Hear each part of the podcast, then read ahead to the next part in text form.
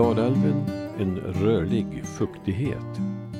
Så var rubriken på min krönika i NVT den 4 juli 2015.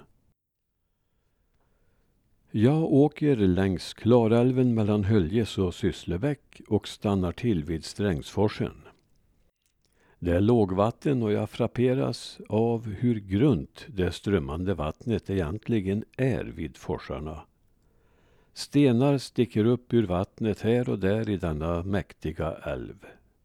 Så underligt ändå, detta vatten som präglar hela dalen och som har gett den både namn och skönhet. SGU har här uppe gjort mätningar på den sand och grusbädd som älven rusar fram på och framställt en profil där man tydligt kan se älvens blygsamma del i det hela. Man får ett tvärsnitt av den 40 meter djupa spricka där fornklaran rusade fram före istiden. Denna spricka fylldes vid isavsmältningen nästan helt med sand och grus och överst på detta djupa lager finns den lilla fördjupning som idag är Klarälven och som ger hela bygden dess karaktär.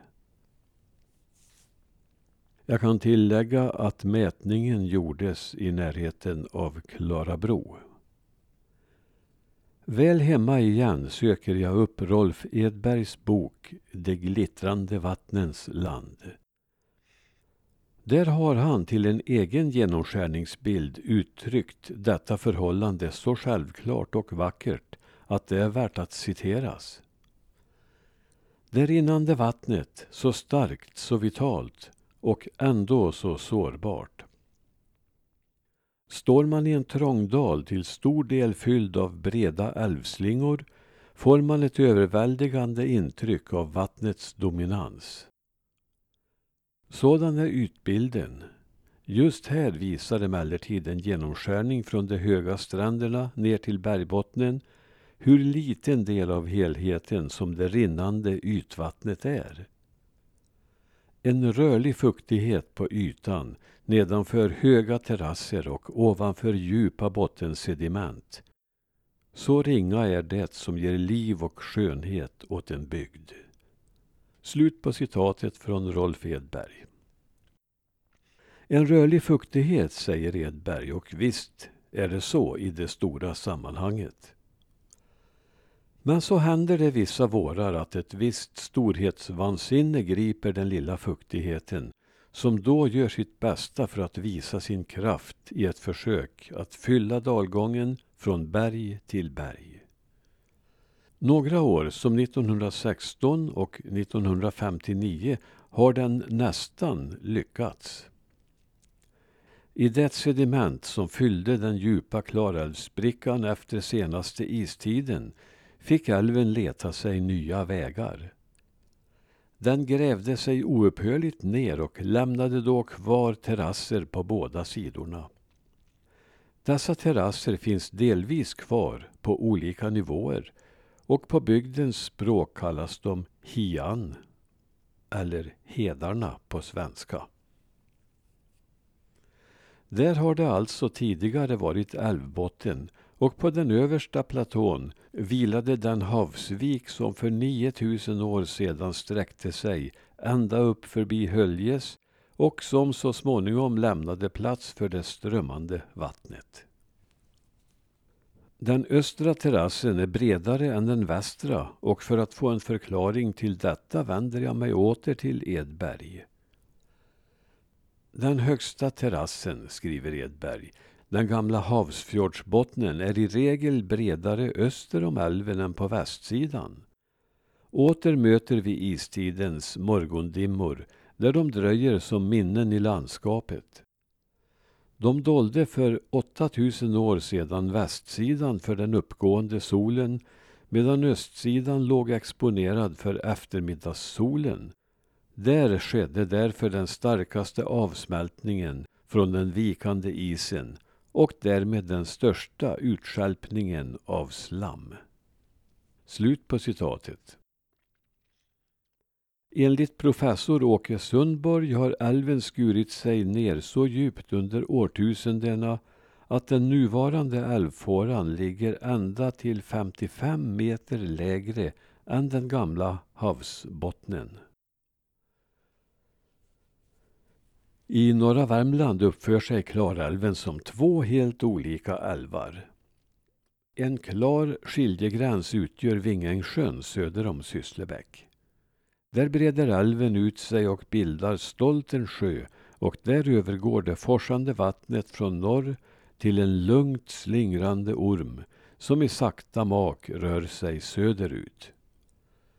På en tre mil lång sträcka norrut från sjön har älven sänkt sig omkring 75 meter mot sjön i så kallade slakforsar medan den söderut på motsvarande sträcka faller endast tre meter. Det innebär att den där rinner mycket långsamt och det är under sådana förhållanden som älvar bildar serpentiner eller meandrar. På den åtta mil långa sträckan fågelväg ner mot Edebäck, där meandrarna upphör, färdas flottfararen eller kanotisten omkring tio mil på älven.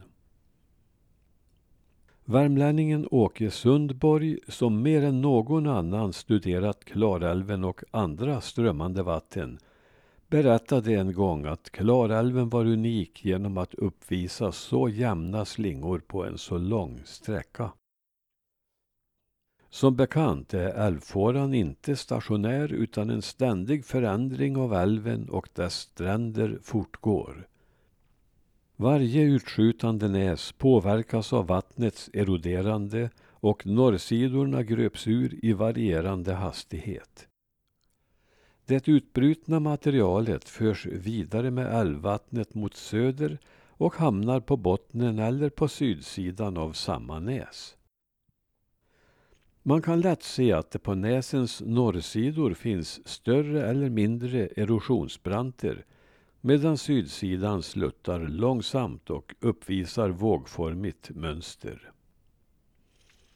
När erosionen pågått länge kan älven ha brutit igenom ett näs och den gamla slingan har då blivit avsnörd och bildat en så kallad korvsjö.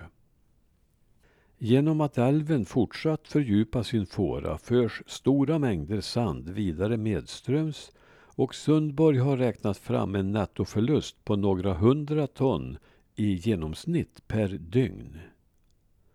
Förlusten på norrsidan vägs inte upp av ökningen på sydsidan.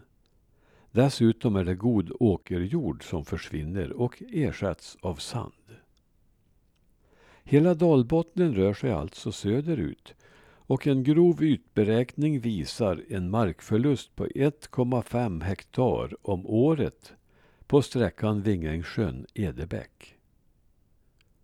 Detta är ett genomsnitt och skillnaderna är stora när man jämför olika år. Det skiljer också mycket på hur hårt utsatta de olika näsen är. De norrut liggande byarna som Ransby, Brannäs och Likenäs har visat sig klara sig bättre än söderut liggande byar. Men ingenstädes finner man dock en så regelmässigt återkommande förstörelse inom en så lång sammanhängande älvsträcka som i övre Klarälvdalen, säger Åke Sundborg.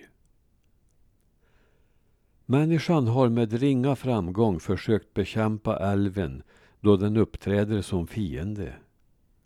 I Uggenäs gjordes till och med ett försök att med handkraft gräva en kanal på västsidan för att styra om strömmen. Men detta lyckades förstås inte. Tänka sig att denna lilla rörliga fuktighet så kan dominera villkoren för dalens invånare, på gott och ont. Om älvens vänliga sida skriver Sundborg Övre Klarälvdalen är ett stycke svensk natur utan motstycke. Säregen i sin geologiska utformning, naturskön till sin gestaltning och värdefull som ekonomisk pulsåder.